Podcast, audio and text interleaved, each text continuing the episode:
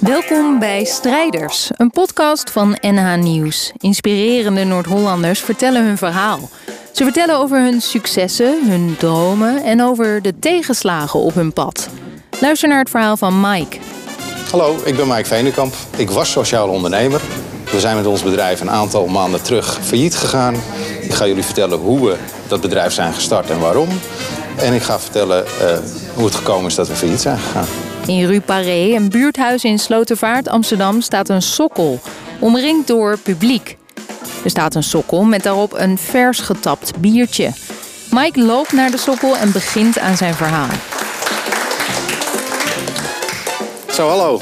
Um, ik ben opgegroeid in Andijk. Uh, mijn ouders waren alle twee uh, enorm bezig met sporten. Mijn vader was schaatstrainer, mijn moeder was turnlerares. Dat heeft uh, voor mij betekend dat ik enorm veel gesport heb op een behoorlijk niveau.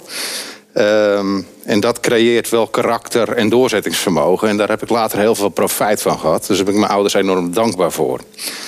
Um, maar op een gegeven moment kwam ik in de groei. En ik kwam in de puberteit en ik werd een beetje recalcitrant. En ik vond uitgaan eigenlijk ook wel heel erg interessant.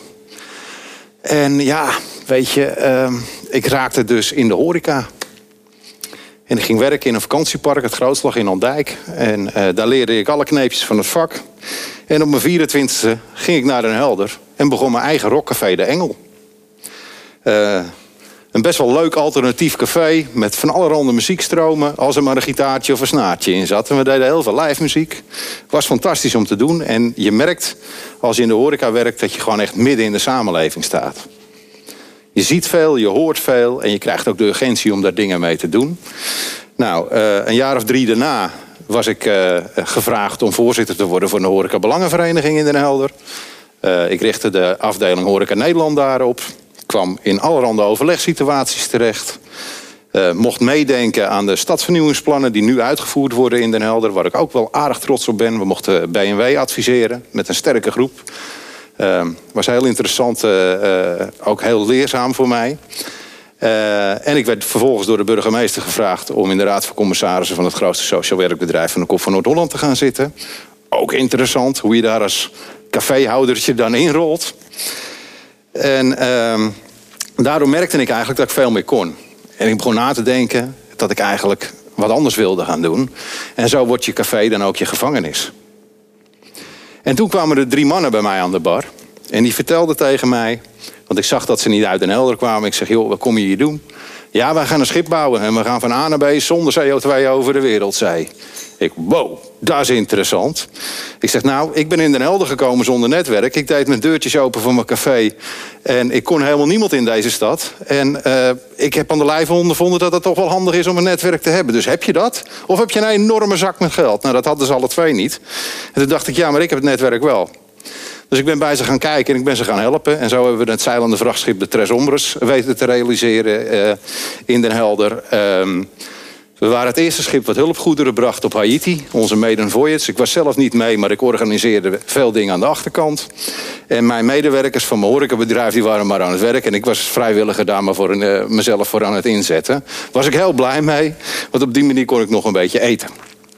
Um, maar ik dacht wel, ik moet ik moet gewoon wat anders gaan doen.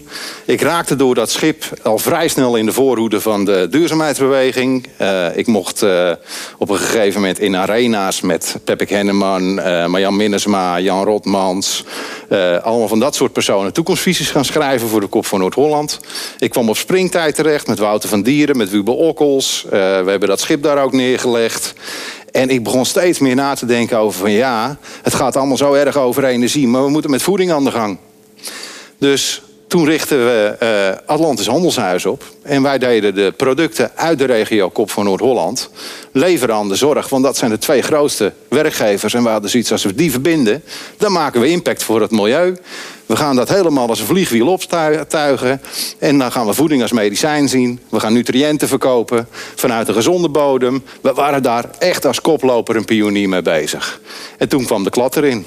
We deden het hartstikke goed. We groeiden per jaar 100% Ziekenhuizen leveren. En ja, er moest bezuinigd worden.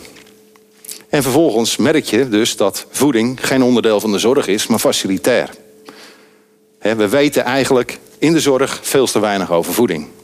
En je wordt wegbezuinigd. Een warme maaltijd, drie gangen, mag net zoveel kosten als een bakje koffie in de horeca. Gek hè, dat die kwaliteit zo slecht is. En eigenlijk moeten we voeding weer als de basis gaan zien van ons leven.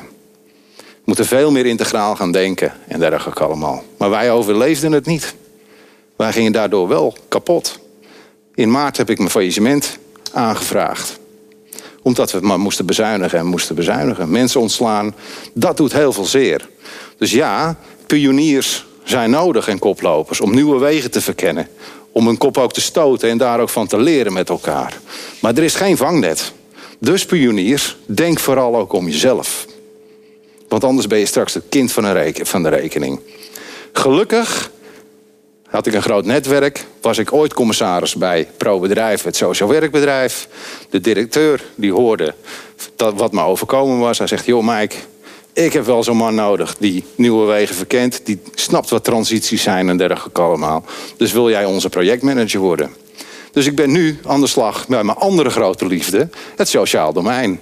En daar voel ik me ook als een vis in het water. En ik ga al mijn geleerde lessen die ik in de praktijk heb geleerd, ga ik daarin zetten. Ik ga wijkgericht werken, nieuwe verbindingen maken, impact maken voor de maatschappij, maar ook vooral voor de mensen waar we het voor doen met elkaar.